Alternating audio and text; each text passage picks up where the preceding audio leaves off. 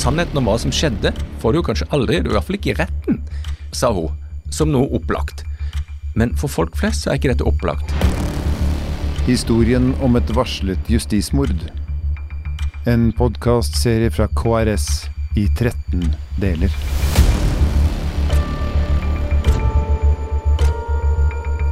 Del 4. Folk flest vil jo gjerne ha sannheten om hva som skjedde i Baneheia. Men det er jo ikke det domstolene er like opptatt av. Domstolene er opptatt av å fordele skyld, og skyld og sannhet er eh, ikke alltid det samme, Anders.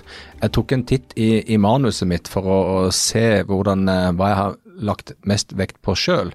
Og jeg så at jeg hadde omtalt uh, brukt ordet sannhet 56 ganger i manuset, og skyld 238 ganger.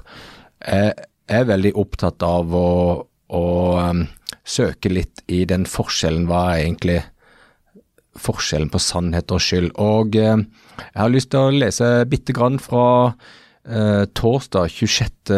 april 2001 i byretten, dag fire. Da blir eh, Viggo spurt ut av eh, aktor, førstestatsadvokat Edvard Dahl, som, eh, som, vil høre litt om hva egentlig som skjedde. Og da hører vi Viggo forklare litt sjøl hva han mener er sannheten. Og da kommer dette et utgangspunkt litt fram, hvis jeg bare går i gang og leser litt fra manuset mitt. Dagen da de ble pågrepet, hadde Viggo sagt at han traff Jan Helge Andersen innenfor bommen ved Svartkjønn men seinere måtte han innrømme at han hadde sett han rundt 200 meter lenger inne. Jeg husker ikke så mye fra de avhørene, det kan godt være at jeg har sagt noe eh, på et avhør, og, og noe annet en annen gang, sier Kristiansen. Eh, du skulle ha nøkler, uh, følger Dahl opp. Ja, det var det første jeg spurte om. de fikk jeg der og da, og de hadde jeg da vi gikk bort til et tregjerde hvor vi ble sittende så vil Dahl vite om han bare fikk nøklene eller hele nøkkelknippet. Viggo husker ikke. Han forteller at han gikk i bua, for han var nøye med syklene og skulle fikse noe steinsprut. Jeg tipper jeg var tilbake rundt eh, halv sju. Jeg ble i bua til eh, ti på halv åtte, fem på halv åtte. Da gikk jeg opp på trappa og tok en røyk, og så sendte jeg en tekstmelding til ei venninne, forklarer han. Aktor sier at han i en tidligere forklaring trodde at han holdt på til ca. 19 Kristiansen innrømmer da at han, ja, han har retta seg etter hva han har fått vite etterpå, sier han. For ifølge Arne Pedersen må jo de tidspunktene være rett, jeg måtte jo rette meg etter de tidspunktene, sier Viggo Kristiansen syrlig. Salen humrer litt, men sånn får Dahl prikke inn at Viggo Kristiansen ikke er til å stole på. Direkte konfrontert med dette, så svarer Viggo slik, jeg forteller min sannhet.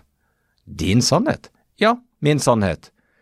Men hvordan vil du reagere da hvis vi mener at sannheten er en annen? Ja, da vil jeg gå videre til lagmannsretten, svarte Viggo. Ja, men hvordan kan du forklare at det ble funnet biologiske spor da, fra to menn på åstedet, spør aktor. Det kan jeg ikke forklare, sier Viggo Kristiansen.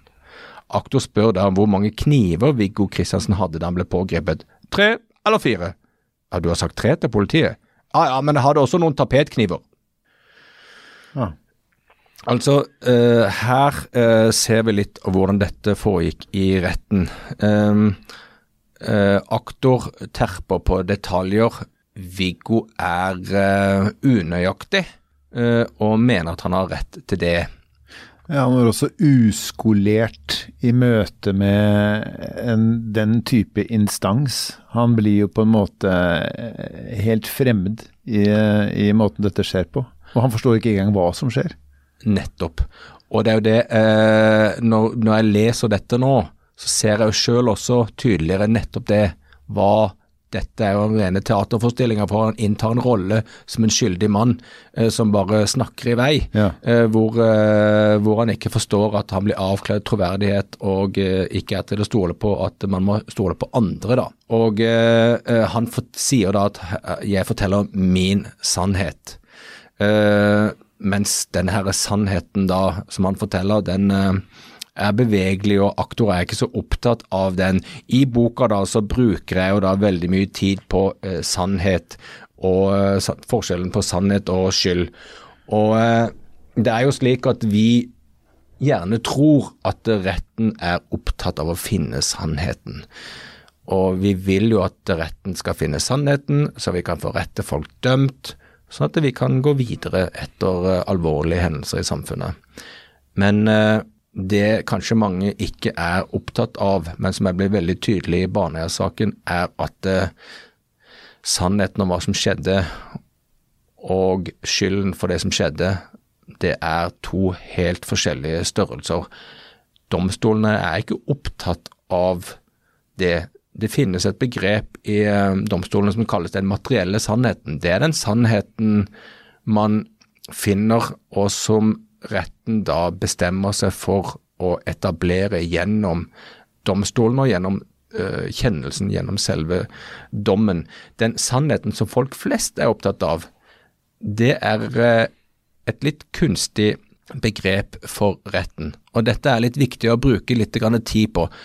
Nå er det jo selvfølgelig slik at påtalemyndigheten og politiet har jo et ansvar for å finne ut hva som skjedde. Mm. Det er derfor det heter man skal etterforske saken til gunst og ugunst for å liksom avdekke hva som skjedde.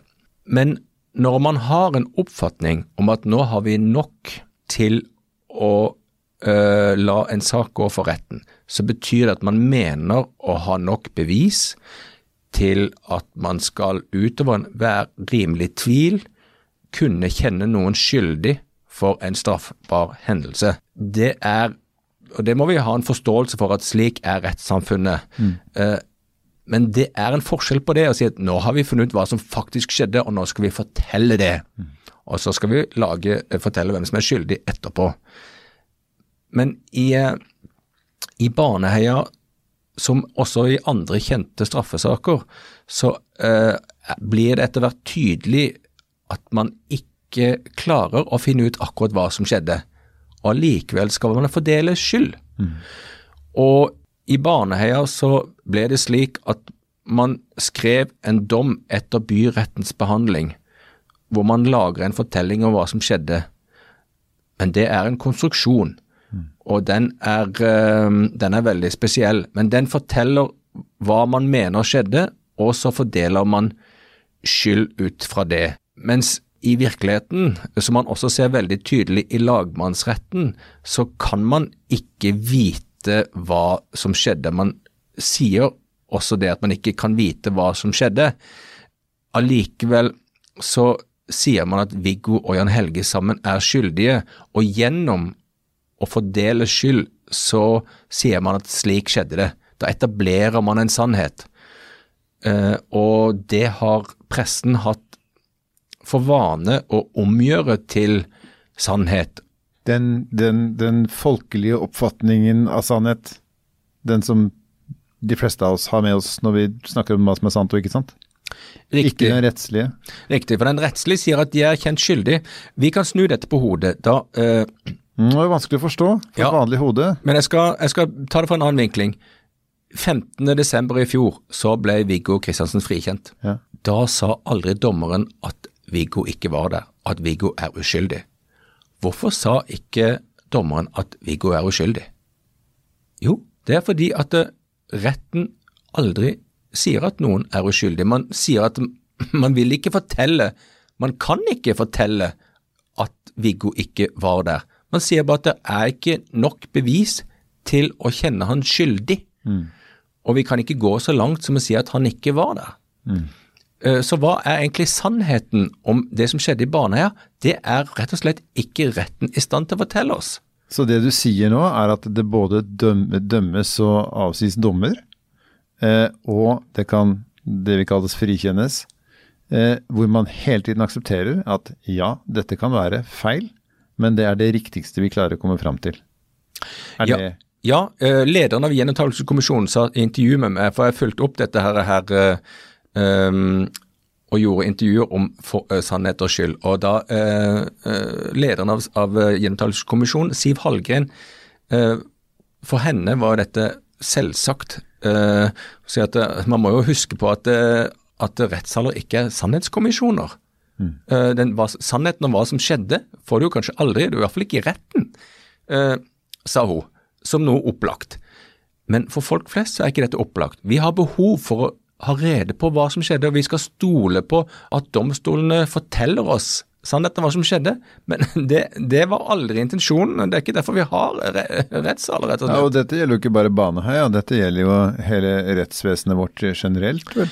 Det mest nærliggende eksempelet er, uten å snakke om, eh, om, om nettopp skyld, det er å snakke om Orderud-saken. Ja. Der eh, ga man jo opp å finne ut hva som skjedde, og så sier man men vi har nok til å kjenne de skyldige Uh, I, I medvirkning. i medvirkning til drap. Eh, og dermed hopper, Det er et godt eksempel på, uh, på at eh, man ikke klarer å finne ut hva som skjedde.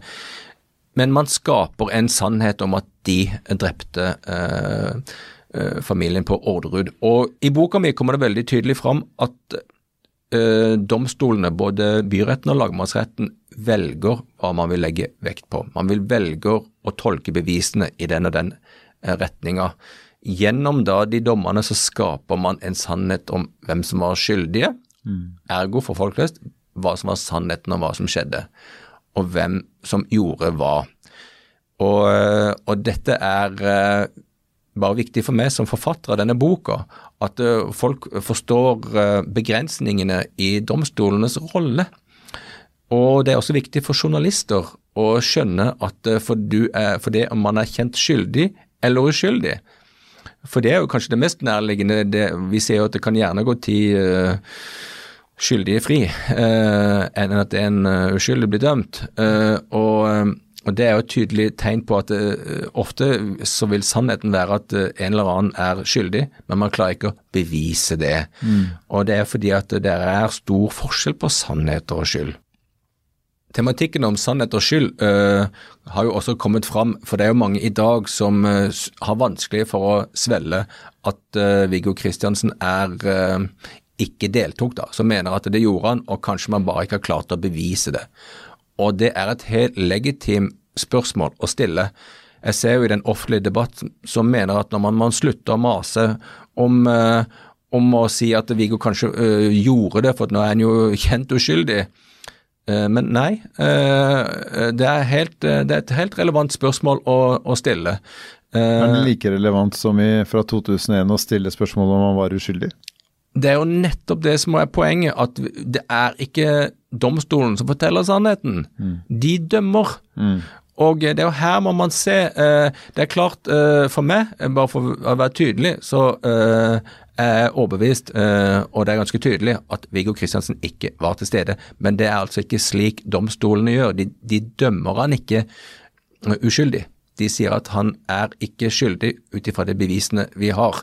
Men nå som man går til uh, gjenopptar straffesaken mot Jan Helge, eh, og han blir da kjent skyldig, mest sannsynlig eh, for- I begge drapene? i begge drapene, så vil det jo fremstå for alle at eh, sannheten da må være at Jan Helge gjorde dette alene, og da vil fortellingen om Viggo være at han ikke var til stede.